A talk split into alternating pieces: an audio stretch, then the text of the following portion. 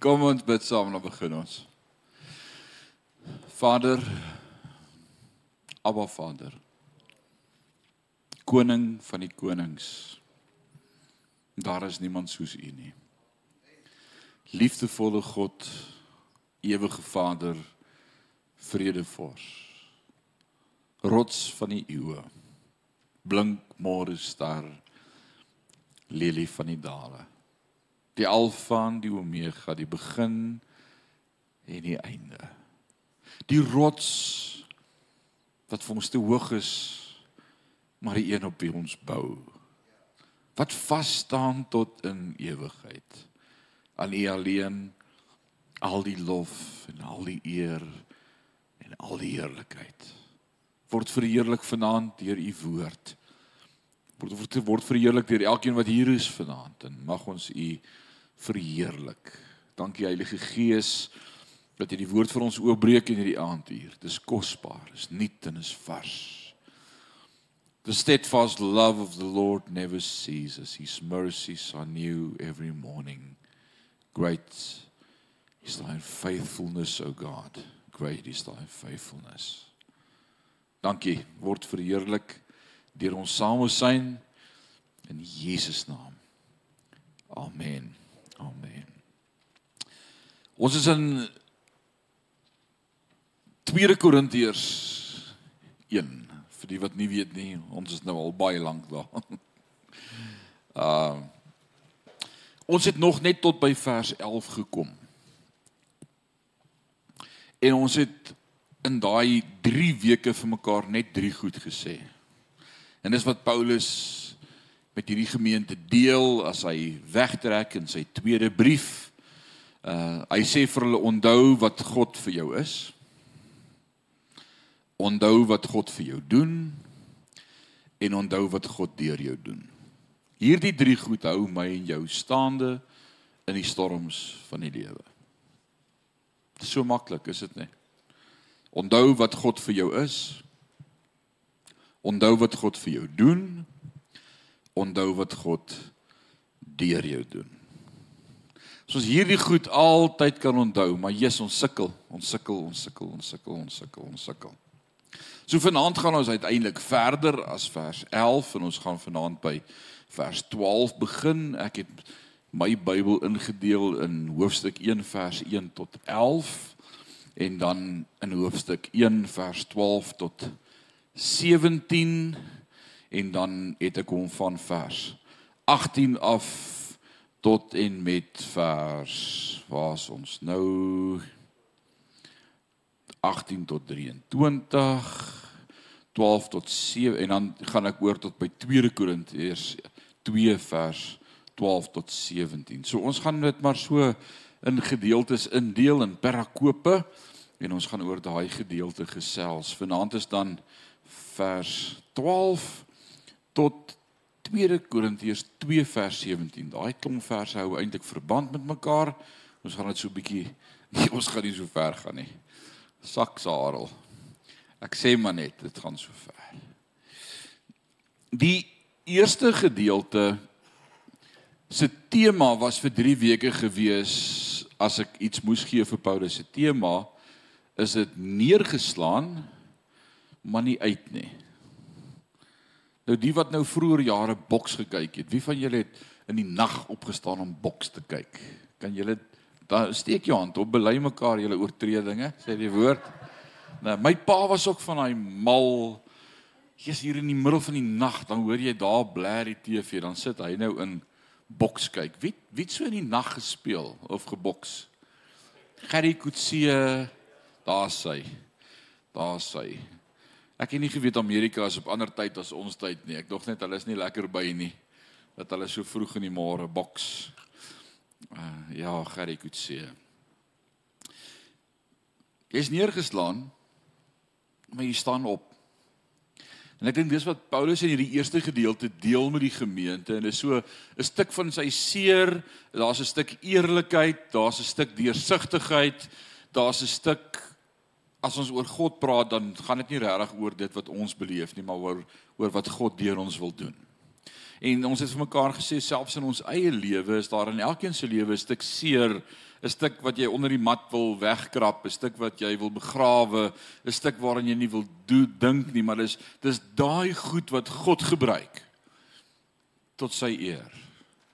Dis daai goed wat jy hartseer oor gehad het. Dis nou daai paradokse van die lewe. Wat is 'n paradoks? Waar's ons Afrikaanse onderwysers? Wat is 'n paradoks? Claudette, wat is 'n paradoks? well, I can I can I can ask you in English. Wat is 'n paradoks, meneer uh Jaco?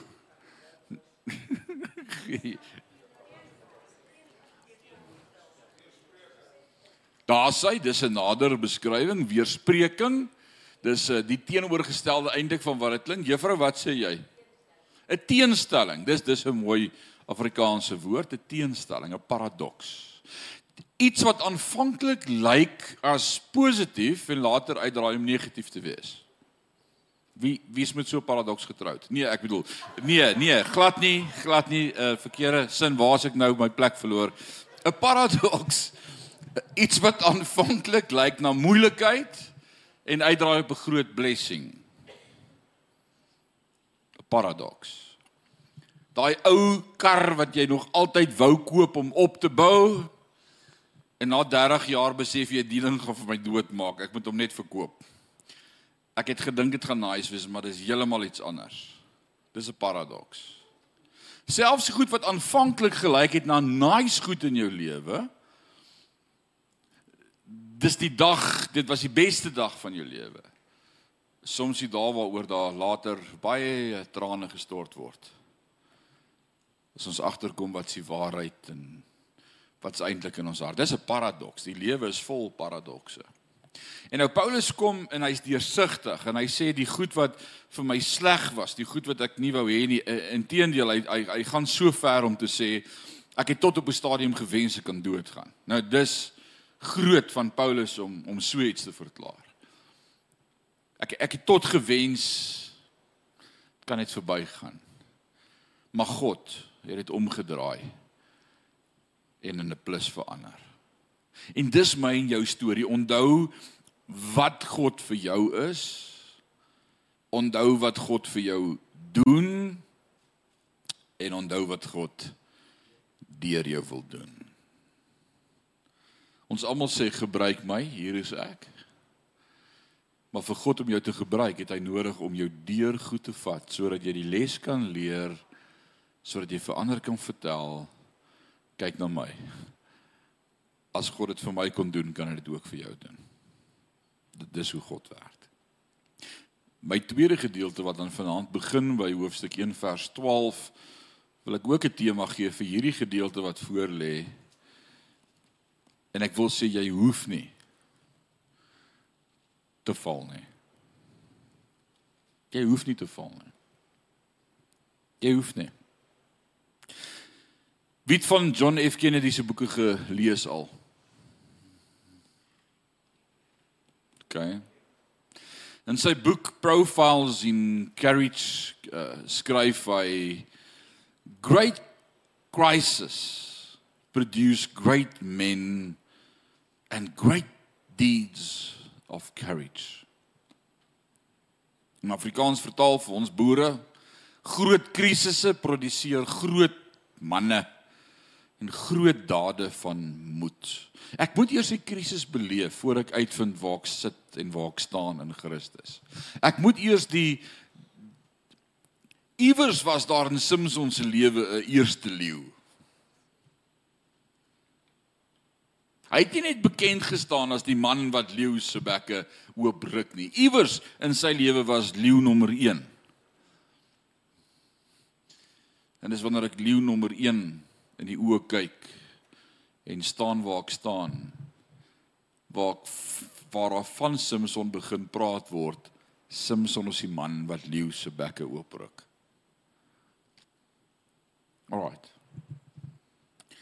Alhoewel dit waar is dat 'n krisis help om 'n mens te maak en te vorm, is dit ook waar dat 'n krisis help om te openbaar waaruit 'n mens gemaak is.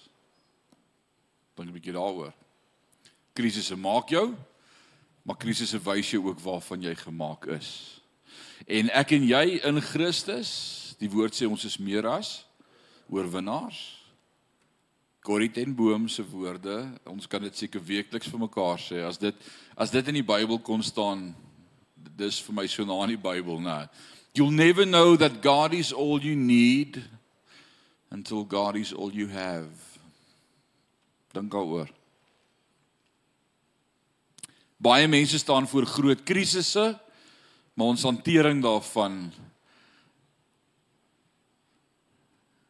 bepaal hoe ons reageer. Ons reaksie daarop bepaal wat in ons is. So kom ons lees vanaand saam om mee te begin Paulus in hierdie gedeelte net so oorsig uh, hoe ons die moeilikheid van die lewe hanteer sal grootliks afhang van watter soort karakter ons het. Karakter is nogal in hierdie gedeelte gaan ons praat oor karakter en dis nogal iets waarna ons in ons dag min praat karakter en ook integriteit, né? Nogal twee goed wat hand aan hand saamgaan. Uh so in hierdie gedeelte gaan ons praat oor watter soort karakter Paulus het en watter soort karakter ons het, gaan ons vir mekaar vra. En wat die lewe aan ons doen hang af van wat die lewe in ons vind. Dink dink gou 'n oomblik daaroor. Wat die lewe aan ons doen hang af van wat die lewe in ons vind. Ek kan nie aan jou iets doen wat nie in jou is nie. Dit kan van sommige van ons soos water van 'n een se rug afrol. Vir die volgende ou raak dit 'n krisis. Twee persone raak siek, selfde siekte. Die een bly in oorwinning lewe en sê God is my banier, ek's meer as oorwinnaar. Hierdie ding gaan my nie onderkry nie. Die volgende ou sak in as depressie, antidepressante, slaaplose nagte. Selfde krisis. Dit wat in jou is bepaal hoe hierdie goed hanteer word. In hierdie baie persoonlike brief het Paulus sy hart vir die Korintiërs en vir ons oopgemaak en die beproewinge wat hy beleef het geopenbaar. Om mee te begin is hy erg gekritiseer deur die mense in Korinte omdat hy sy planne verander het en blykbaar nie sy beloftes nagekom het nie. Dis die eerste ding wat hy effens 'n krisis mee beleef. God se kinders, sy broers in die Here, is nou die ouens wat na hom vinger wys en sê ag weet jy wat nou bly eerder stil jy lieg. Die manne wat hy wou pastor wou help net omdat sy planne verander het is die ouens wat hom vinger wys en sê ag weet jy wat ons wil niks van jou hoor nie regtig. Jy's 'n regte ja broer. Wanneer 'n Christene mekaar verkeerd verstaan kan wonde baie diep raak. En ons wat in gemeentes was en wat al bietjie gekom het met meer as een gemeente sal weet dit gebeur baie maklik baie maklik. Ons verstaan mekaar verkeerd, maar jy dan dit gesê. Maar as jy wat ek bedoel het nie, ek het eintlik bedoel, jy's regte ja broer, né? Paulus het dit beleef. Alraight. So as hy dit beleef het, wie's ek en jy, né? Dan was daar die probleem van oppositie teen sy apost, sy apostoliese gesag in die kerk. Een van die lede, moontlike leier, moes gedissiplineer word en dit het Paulus groot hartseer besorg. Alhoewel Paulus 'n geestelike reus was wat dinge kon doen en kon aanspreek, was hier hierdie persoon wat hy moes handle en dit was vir hom sleg. Hy hy wou nie. Hy hy daarvan weggeskram. Moes jy ook al 'n ding in die gees hanteer, maar net nie nou nie. Kom ons gee dit nog so dag. En dan ten slotte was daar die moeilike omstandighede wat Paulus in Asië moes verduur en dit kan ons lees in vers 8 tot 11 van 2 Korintiërs 1 uh 'n beproewing wat so erg was dat hy wanhoopig was aan die lewe. Hy het uitgebid dat hy eerder sou omkom. So wat het Paulus daarvan weerhou om te misluk? Dis die vraag wat ons uit hierdie teks uit vanaand vir mekaar gaan antwoord. As as Paulus deur hierdie krisis kon kom en kon staande bly, dan moet ek leer waaraan hy vasgehou het sodat ek ook daaraan kan vashou, want dis mos wat die woord doen. So so die vraag vanaand ek vir myself vra sover is wat het Paulus dan weerhou van mislukking? Ander mense wat dieselfde krisisse in die gesig staar sou in een gestort het. En tog het Paulus nie net oor die omstandighede geseëvier nie, maar daaruit 'n groot brief voortgebring wat selfs vandag God se mense help om oorwinning te ervaar. Wat was die geestelike hulpbronne wat Paulus aan die gang gehou het? In die eerste plek, kom ons lees die teks. 2 Korintiërs 1 vanaf vers 12 tot 24. Dis die enigste manier hoe ons gaan voorkom. Ons moet baie verse lees. Dink jy dit gaan werk? kom ons draai. Paulus skryf: Ons trots bestaan daarin dat ons gewete saamgetuig dat ons teenoor die wêreld maar in besonder teenoor julle opgetree het met die erns en egtheid wat van God afkom. Ons het staat gemaak op die onverdiende goedheid van God en nie op ons eie menslike insig nie. Ons skryf aan julle niks wat julle nie self lees of verstaan nie. Ek hoop net dat julle ten volle verstaan. Waar julle ons tot nou toe net gedeeltelik verstaan het. Op die dag wanneer ons Here Jesus kom, sal ons trots wees op julle. Net soos julle op ons trots sal wees. Met hierdie oortuiging het ek al vroeër beplan om na julle toe te kom sodat julle 'n dubbele geskenk kan ontvang. Ek wou op die deurreis na Macedonië by julle aandoen en weer 'n keer op die terugreis van Macedonië af om dan met julle hulp verder na Judea toegestuur te word. Was ek miskien wispelturig toe ek die plan gemaak het of doen ek my beplanning volgens menslike oorwegings met die gevolg dat dit met my gaan oor 'n ja as ek eintlik 'n nee bedoel? God is die betroubaarheid self. Hy weet dat ons woord tussen julle nie ja en terselfdertyd nee is nie. Want die seun van God, Christus Jesus, wat deur ons, dit is deur my Silvanus, Timoteus onder julle verkondig is. Is nie terselfdertyd ja en nee nie. In hom het God se ja plaasgevind. Want al die baie beloftes van God in Christus Jesus is 'n volmondige ja. Daarom is dit ook deur Christus se toedoen dat ons om God te verheerlik daarop amen sê.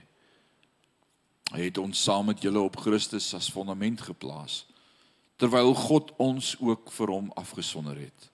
Hy het ons sy eiendom gemerk en die gees in ons harte gevestig. As deposito wat as waarborg dien van alles wat hy nog vir ons gaan gee. Ek roep God as getuie teen my eie lewe dat ek julle in ag geneem het toe ek nie weer na Korinte toe gekom het nie. Ons wil regtig nie baas speel oor julle geloofslewe nie, maar ons is tog ook helpers om julle blydskap te bevorder. Julle is tog standvastig in julle geloof. Alraight. Pragtige gedeelte en kom ons probeer dit uitmekaar trek en 'n paar dinge leer uit hierdie gedeelte uit. So die eerste punt wat ek kan maak uit hierdie gedeelte van wat was die geestelike hulpbronne wat Paulus aan die gang gehou het? Die eerste punt wil ek sê is skoon gewete. Vind julle weet wat is 'n skoon gewete?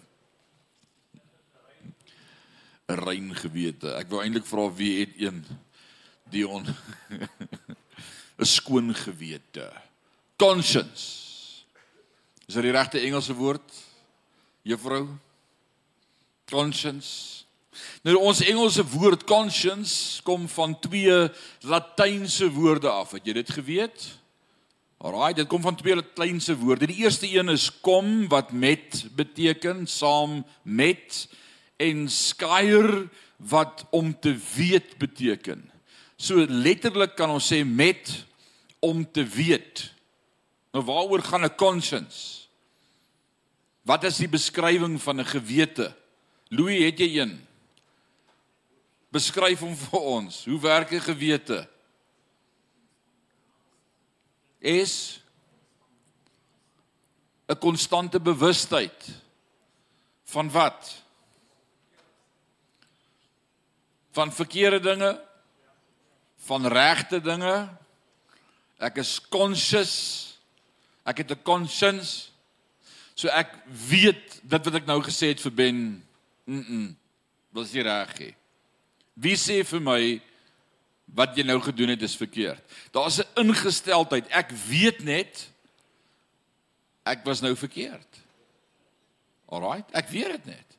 Het almal van julle conscience? ja, right. Alraight, goed. Jy is nou baie verbaas toe jou man sê ja. Goed. Gewete. Wie wil iets sê? Dion.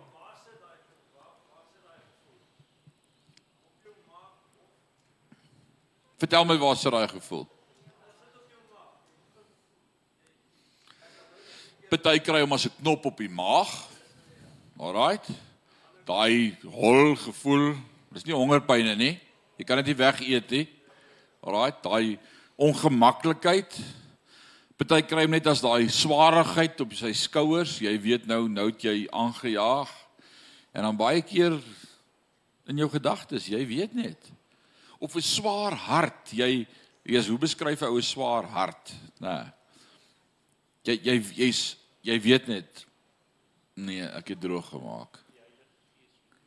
Dis hoe die Heilige Gees met ons werk. So gewete is daardie innerlike vermoë wat met ons gees weet en goedkeur wanneer ons reg doen, maar beskuldig wanneer ons verkeerd doen.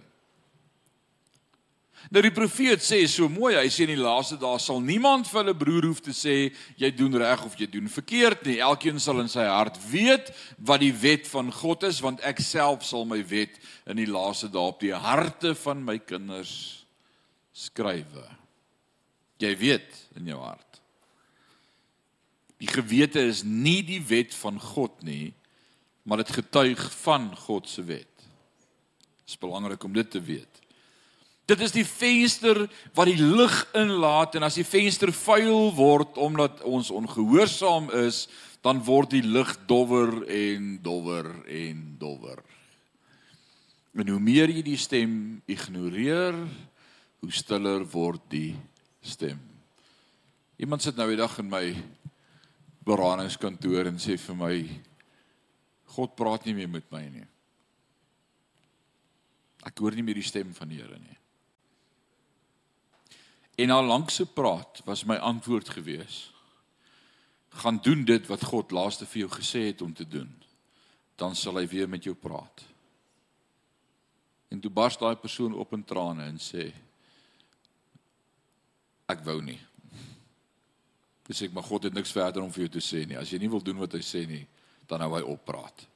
Dit dit dis 'n woord. Doen net wat God vir jou gesê het om te doen. Paulus het die woord gewete 23 keer gebruik in sy briewe en gesproke bediening soos in Handelinge vir ons gegee. Paulus het iets daarvan verstaan om 'n rein gewete voor God te hê. Hoor wat sê Handelinge 24 vers 16 en hierin oefen ek my om altyd 'n vrye gewete te hê teenoor God en teenoor die mense skoon gewete, rein gewete. So die eerste plek, hoe het Paulus staande gebly aan die aanslag in die beproewing in die toets in die aanval van die gemeente. Nou as jy jou lewe gee vir die kerk as pastor en 'n sekere paar opofferinge moes maak om te doen wat jy doen en die gemeente wys vingers na jou, dit is verwerping. En jy sal dit nie verstaan totdat jy hier op die stoel kom sit nie. Dit maar dis verwerping. En Paulus se eerste manier hoe hy dit kon deurstaan en kom maak is 'n rein gewete voor God. Wat help jou en my om staande te bly in hierdie lewe? 'n Rein gewete voor God. Alraight. As daar dinge is tussen jou en die Here, gaan repent, maak reg, kom in die plek van vrede met God. Dit is belangrik. Moenie dit ignore nie, moenie dit wegbid nie, moenie net hoop dit gaan weg nie. Luister. Daai stemmetjie wat jou wakker maak 2 uur in die oggend, daai gedagte wat deur jou kop skiet. Daai ding, daai persoon met wie jy nog nie vrede het nie. Moenie net dit wegwens en sê ag asseblief, ek gaan nie. Sy kan eerste, sy was skuldig. Hy was verkeerd. Ek gaan nie. Luister vir die stem van die Heilige Gees. Wie kan getuig vanaand en sê daar's 'n blessing daarin om te luister en te doen wat die Here sê? Dis amazing. Doen. Die tweede ding wat ek hier uit vanaand sien is wanneer 'n persoon 'n goeie gewete het, het hy integriteit, nie dubbelsinnigheid nie en hy kan vertrou word. Ek kan iemand vertrou met 'n rein gewete. Maar iemand wat vir homself lieg en vir sy gewete lieg, gaan vir my lieg. Maar ek vertrou iemand met 'n gewete. Ek kan 'n ou met 'n gewete vertrou. As hy by my kom en sê pastoor, ek het gister jou teelepel gevat. Ek wil nie hê dit moet tussen ons staan nie. So ou kan ek vertrou. Ons sou sê dis juist die ou wat ek nie kan vertrou nie. Nee, dis die ou wat vir my wys uit 'n rein gewete. Ou wat kan sê sorry. Ou wat kan sê ek was verkeerd. Dis 'n ou wat jy kan trust. Want hy luister vir die stem van die Heilige Gees. So wanneer 'n persoon wanneer 'n persoon 'n goeie gewete het, het hy ook integriteit, want integriteit help jou om 'n rein gewete te ontwikkel. Dit kom nie van self nie.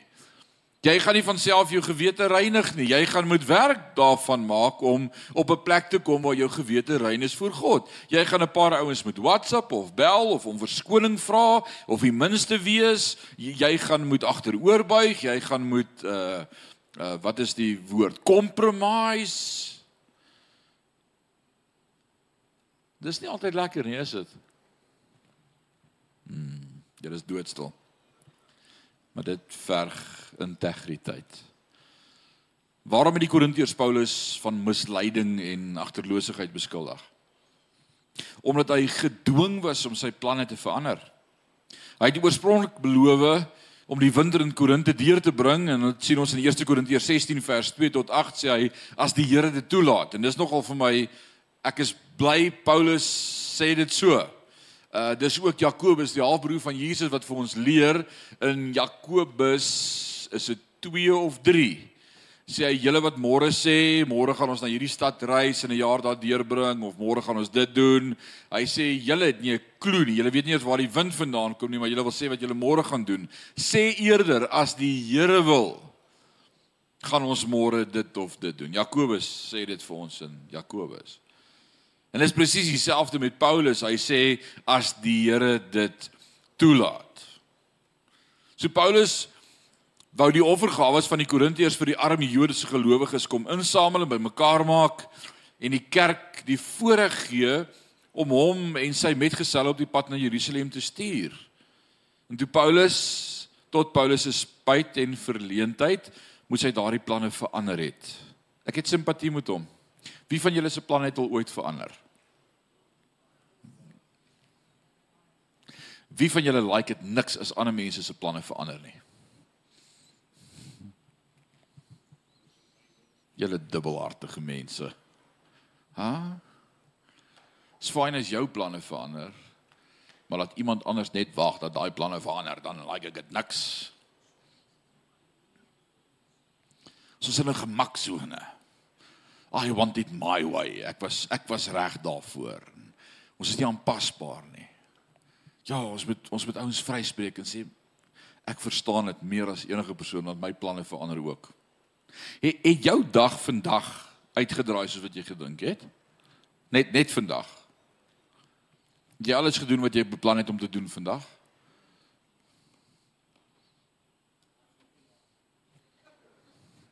Nee, jy wou 'n lekker stort vat en toe vind jy uit jy het nie water nie. Of jy wou 'n koek bak en toe vind jy uit jy het nie krag nie. Hæ? Jou dag draai nie uit soos wat jy gedink het nie. Geen dag draai uit soos wat jy dink nie.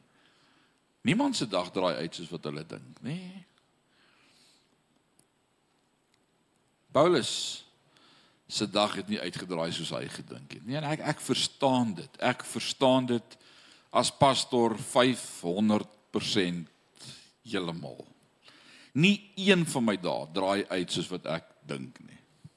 So ek het ophou dink. Amptelik amptelik as hy nie vir my sê wat gebeur vandag dan sê ek God knows. God will provide. Ek weet nie.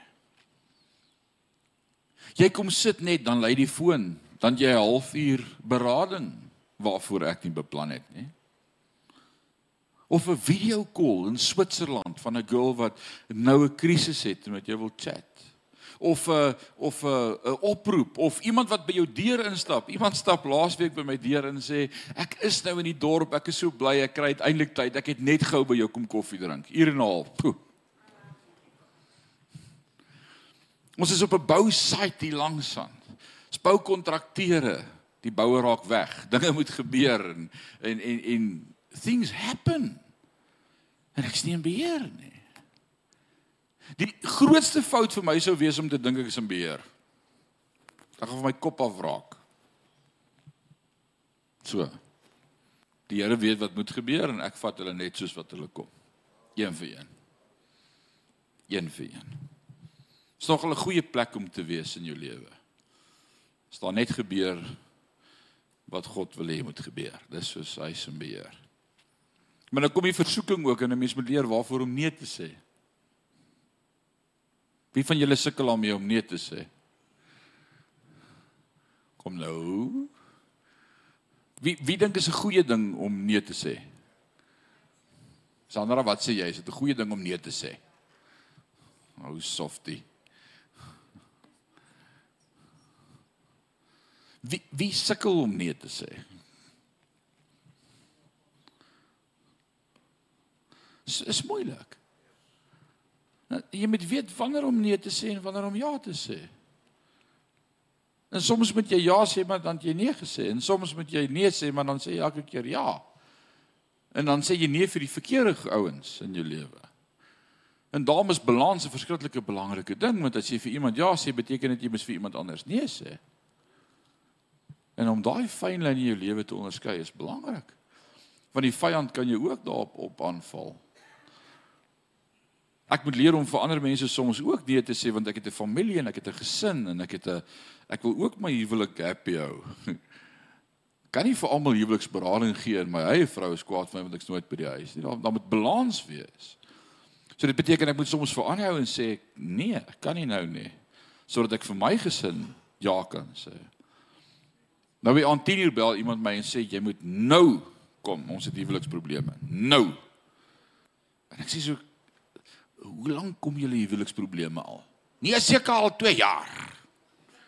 Ek sê maar dan gaan vanaand nie 'n verskil maak nie.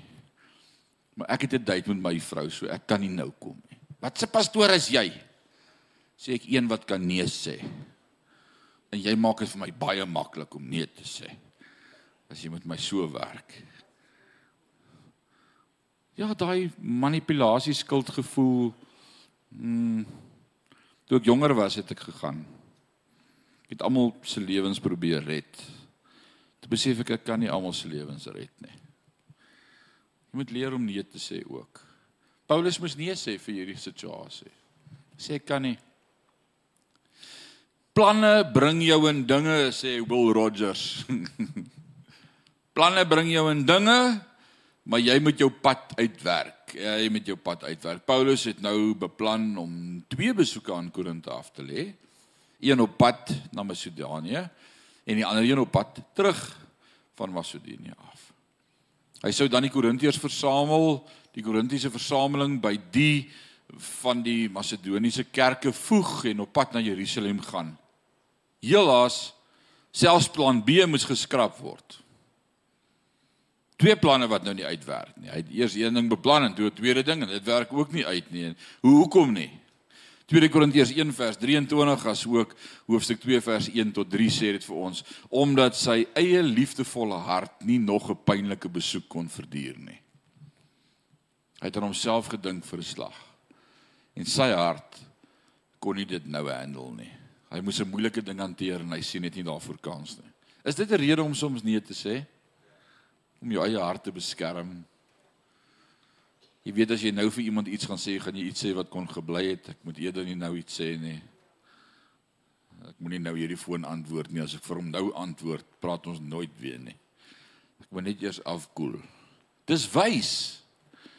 Dis wys. Toe ek jonger was, was ek was ek impulsief. Ek was 'n vuurvreet. Ek het daai foon eerste opgetel en gesê ek gaan my sê sê. En jy maak mense seer. Maar ek was net eerlik. Eerlikheid is jy kan eerlik wees, maar jy kan armordendig ook wees. Ek was net eerlik. En die Here moes aan my werk. Takt is 'n mooi ding. Wie van julle het nie takt nie? Dis die vermoë om iemand hel toe te kan stuur dat hy uitsien na die trip. Dis tak.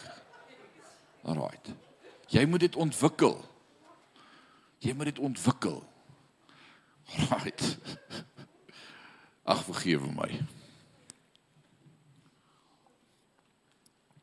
O Paulus het in die kerk ingelig oor sy verandering in planne, maar selfs dit het nie die oppositie stil gemaak nie. Maar het hom daarvan beskuldig dat hy vleeslike wysheid volg, dat hy sommer impulsief is en sy eie besluite maak en dat hy onverskillig is met die wil van God. Dis nogal 'n aanklag vir Paulus. Onverskillig met die wil van God en dat hy planne gemaak het net om homself te behaag. Hy het gesê as Paulus een ding sê of skryf, bedoel hy regtig 'n ander ding. Sy ja is nie sy ja nie en sy nee is nie sy nee nie. Dis dis 'n redelike aantuiging, nê, nie lekker nie. Sit nie lekker by hom nie. Misverstande onder God se mense is dikwels baie moeilik om te ontknoop want een misverstand lei dikwels tot nog baie ander. En as daar een ding is wat ek nou al geleer het in die bediening in die ou rukkie wat ek in die bediening is, dan is dit een van die grootste ewels is hoor sê of telefoontjie. Assumptions. Ek kan nie nou daai definisie hier sê nie van assumptions nie. Ah. Mense maak aannames, mense praat namens jou. Uh mense vertel jou goed wat hulle dink hulle gehoor het, wat hulle verkeerd gehoor het. Jy is naderhand kwaad vir die ou en hy het dit nooit eers gesê nie. Yes, like Dis ons battle. Ons moet hierdie ons moet hierdie goed uh, sien, né? Sodra ons die integriteit van ander begin bevraagteken of hulle woorde wantrou, nou hier kom dit nou, dan word 'n deur oopgemaak vir allerlei probleme. Maak die saak wat sy beskuldigers mag sê en die Paulus het vasgestaan omdat hy 'n skoon gewete gehad het. Hy het homself nie verdedig nie. Hy het nie die fight gefight nie. Hy het nie vir hulle op hulle plek gesit nie. Wat hy geskryf het, het hy gesê en wat hy geleef het was altyd in ooreenstemming. En hy het immers by sy oorspronklike plan bygevoeg as die Here dit toelaat. Ek dink dis Jakobus 4 vanaf vers 13 tot 17. Die derde punt wat Paulus gehelp het om staande te bly, is wanneer jy 'n skoon gewete het, sal jy in die lig van die wederkoms van Jesus Christus lewe. Dit pas so by vanmôre se preek. Dis waaroor ons vanmôre gepraat het. Die dag van Jesus Christus verwys na daardie tyd wanneer Christus verskyn en sy kerk hemel toe neem. Paulus was seker dat hy by die regterstoel van Christus sou bly wees oor die Korintiese gelowiges en hulle sou bly wees oor hom. Watter misverstande daar ook al mag wees het. Wanneer ons voor Jesus Christus staan, sal almal vergewe, vergeet en omskep word in heerlikheid tot lof van Jesus Christus. Dis nie dis 'n pragtige vooruitsig. As daar misverstande tussen jou en iemand is en jy het net nie woorde om dit uit te sort nie en albei is lief vir die Here. Bless net mekaar. Eendag as julle by hom is, gaan julle mekaar in die oë kyk en julle gaan eers weet waaroor julle kwaad was hè.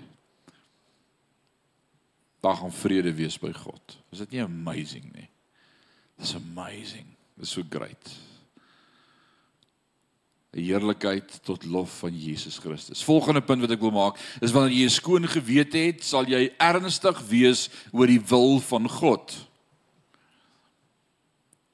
Jy jy kan nie 'n skoon gewete hê en in 'n verhouding met God leef en nie ernstig wees oor sy wil nie. Jy jy gaan ernstig wees oor die wil van God en dit vind ek in vers 15 tot 18. Paulus het nie sy planne onverskillig of likraat gemaak nie. Hy het hy het die leiding van die Here gesoek. Hy hy het ernstig gesoek na God se wil. Die woord leer ons moet soek allereers die koninkryk van God en sy geregtigheid en dan sal al hierdie ander dinge vir julle bygevoeg word. Waarna soek ons? Wil jy waarna soek ek en jy? Waaruit bestaan die meeste van ons dag? Nie na die koninkryk nie, is dit? Maar dis die belangrikste in ons lewe, is om te soek na die koninkryk van God. Ou Paulus soek na die koninkryk. Hy soek na die koninkryk van God. Soms was hy nie seker wat God wou hê hy moes doen nie. Ons sien dit in Handelinge 16 vers 6 tot 10. Daar's 'n onsekerheid oor wat God wil hê, maar hy het geweet hoe om op God te wag. Sy motiewe was opreg. Hy het probeer hy het probeer om die Here te behaag en nie mense nie. Kan ek hierdie weer sê? Hy het probeer om die Here te behaag en nie mense nie. Wie van julle sukkel omdat jy people's pleaser probeer wees? Steek jou hand op. Dis nie van die Here nie. Deur mense te probeer happy hou en nice te wees met almal kom altyd met 'n dure prys. Woorde van die die woord leer vir my. Moenie mense vrees wat niks eers in jou kan doen nie. Maar vrees die een wat by magte is om die siel te pynig en in die hel te gooi. The snare, the entrapment, the snare of people bind you. Dis 'n gevaarlike ding. It's entrapment. It's a snare. Hierdie een ou pastoor lê op sy sterfbed. En 'n jonger pastoor, vriend van hom wat nog in die bediening is, sit by sy bed en hy sê net sommer met hom woord en hy bid vir hom en hy deel met hom en en hy sê My friend, can I ask you a question if die pastoor lê nou Hy's al baie oud en wag vir die einde om nader te kom. Hy sê kan ek jou 'n vraag vra? Hy sê ja. Hy sê did you ever battle with the fear of men? Soos in sy eie bediening kom hy agter hy is vir moeilik om soms nee te sê vir ouens. Hy wil almal please and happy hou en en en hy vra vir hierdie saint. Hy sê we were you ever ever afraid of the fear of men? And they say me? Never. Never. But there were some women that scared the hell out of me.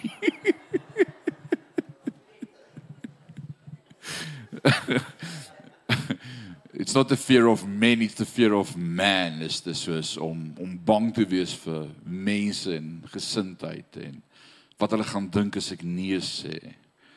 Dis 'n snare. Dis 'n snare.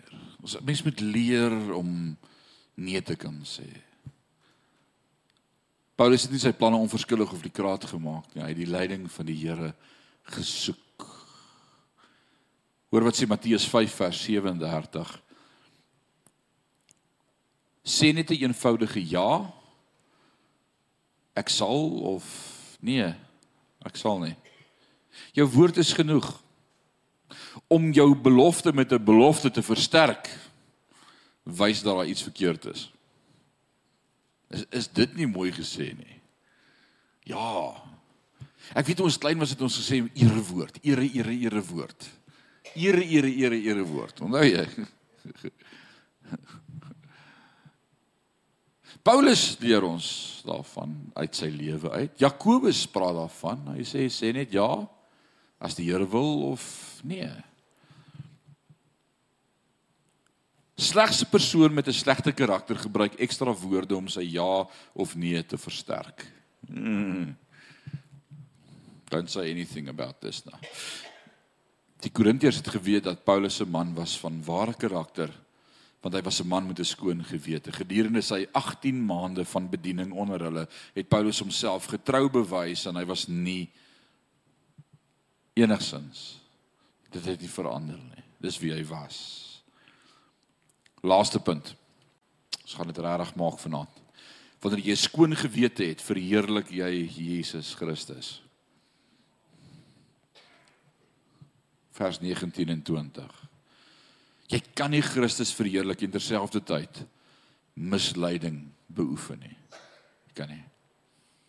As jy dit doen, sal jou gewete skend en jou karakter erodeer. Maar uiteindelik sal die waarheid altyd uitkom. Ek het mense geken in die laaste paar jaar wat nie met 'n skoon gewete Christus verkondig het nie. En eventually kom die waarheid altyd uit. Altyd uit. Dit it happens. Die Korintiërs is gered omdat Paulus en sy vriende Jesus Christus aan hulle verkondig het. Hoe kon God die waarheid deur middel van valse instrumente openbaar? Die getuienis en die wandel van 'n volgeling van Jesus moet saamgaan want die werk wat ons doen vloei uit die lewens wat ons leef. En daarom sê ek elke keer probeer om nie woorde te gebruik nie, maar mag jou lewe wys dat jy 'n kind van God is. Daar is geen ja en nee oor Jesus nie. Hy is God se ewige ja vir diegene wat hom vertrou. Jesus Christus openbaar die beloftes vervul die beloftes en stel ons in staat om aanspraak te maak op die beloftes. Een van die seëninge van 'n goeie gewete is dat ons nie bang is om God of mense in die oë te kyk nie of om aanspraak te maak op die beloftes wat God in sy woord vir ons gee nie. Paulus was nie daaraan skuldig dat hy die woord van God gemanipuleer het om sy eie sondige praktyke te ondersteun nie. Ten slotte En ek maak hiermee klaar. Wanneer jy 'n skoon gewete het, sal jy op goeie voet wees met die Heilige Gees van God. Dan daaroor. Wanneer ek 'n rein gewete het, is ek altyd in tune met Heilige Gees. Heilige Gees praat nie met my as ek vals is nie. Hy praat nie met my as my hart nie suiwer is nie. Hy praat nie met my as ek sonde in my lewe akkommodeer nie. Hy praat nie met my as ek onvrede het met iemand nie. Hmm. Die woord gestig is 'n besigheidsterm. Hoor hoor hoor gou daar in 2 Korintiërs 1 vers 21 tot 24, maar die woord leer dit ook vir ons. Paulus skryf ook in die gemeente in Efese in Efesiërs 1 as hy praat van die Heilige Gees is aan ons gegee as onderpand. Jy het dit al gehoor. Onderpand. Dis pragtig. Wat wat beteken dit? Ons verstaan dit nie. Die Heilige Gees is is aan ons gegee as 'n onderpand. Wat wat beteken dit? Dan die babs. 'n Waarborg. Dis nice om te sê dit beteken waarborg, maar ek verstaan dit nie. Ek wat in af Suid-Afrika groot geword het as Suid-Afrikaner in ons kultuur van volksspele en en en uh uh wat is hierdie suits wat ons gedra het? Wat se pakke? Dit was safari pakke. Ek ken nie van 'n onderpand nie. Ons het nooit rokke gedra nie. Dis nie ons kultuur nie, nê. En daarom is ons baie keer dis vir ons moeilik Jaco as ons dit goed lees want wat beteken 'n onderpand? Is 'n stuk van die onderrok. So om dit te verstaan moet ek die Joodse kultuur verstaan waar hulle rokke dra, die mans ook rokke dra. En as ons met mekaar 'n 'n deal, 'n transaksie aangegaan het om dit te beklink, skeer ek 'n stuk van my onderrok af, van die onderste deel van die rok, van die pand wat net pas aan my rok, skeer ek af en ek gee dit vir jou en ek sê Jaco, ek gee hierdie stuk van my rok vir jou Ek staan by my woord, ek gaan doen wat ek vir jou sê. Ons gaan hierdie ding doen. Dis jou kwitansie. Jy sê ek wil hierdie stuk grond koop, ek sê ek sal vir jou hierdie stuk grond gee. Jy sê maar ek het nou nou die geld, ek sê moenie worry nie, ek kan my volgende maand betaal. Jy sê maar hoe gaan ek weet? Jy gaan nie jou mind change nie. Ek skeer 'n stuk van my rok af en gee hom vir jou en sê ek hou my woord. Ek gaan my woord hou. Hier is 'n stuk van my onderpand. Dis 'n kwitansie. Nou sê Paulus Jesus het die Heilige Gees vir ons gegee as 'n kwitansie dat ek aan God behoort. Die Heilige Gees is deel van die drie eenheid van God die Vader, die Seun en die Heilige Gees. Hy's as te ware losgeskeur in die hemel en vir my gegee as kwitansie dat ek dit gaan maak. Nou wil ek die vraag vra. Wie van julle het al 'n kar ooit op huurkoop gekoop? Alraai, ek gaan nie vra wie nog nie want dan gaan ek dalk sleg voel. Alraai. Jy jy gaan bank toe en jy negotiate 'n goeie rentekoers of deesdae sê jy net ja, dankie vir wat jy kry en dis soos okay. Uh ek sal dit vat en dan uh teken jy die kontrak en hulle sê vir jou goed, jy betaal X bedrag per maand vir soveel maande en dan is die voertuig joune. Nou nou wie aan wie behoort die voertuig nou in die in hierdie jy betaal nou nog af op hom? Aan die bank. Ek en my pa was 2 maande terug Galagari toe, toe moet ek vir die bank vra vir 'n brief dat ek moet hulle kar oor die grens kan gaan wat ek betaal elke maand, nê, nee, my kar. Toe kry ek 'n toe kry ek die uh sertifikaat, die registrasiesertifikaat waar meneer Klakla die kar op sy naam geregistreer het. Sy kar. Hy is die wat noem hulle hom? Die die proxy van die bank. Meneer Klakla. Sy kar. Ek ry hom net en betaal hom. As ek ophou om meneer Klakla se kar te betaal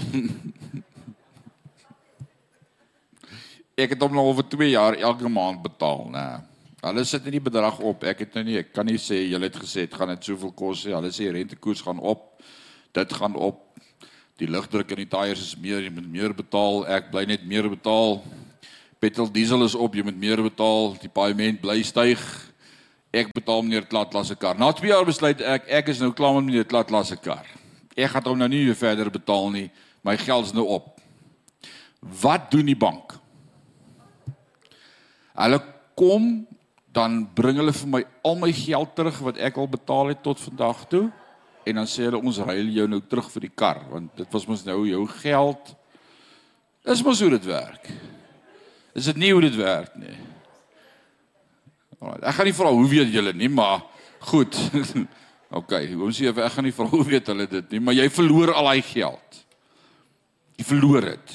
Jy verloor jou deposito wat jy betaal het om te bevestig dat hierdie transaksie kosher is. Jy verloor jou transaksie se deposito. Met alle liefde en respek. Kan God sy Heilige Gees verloor?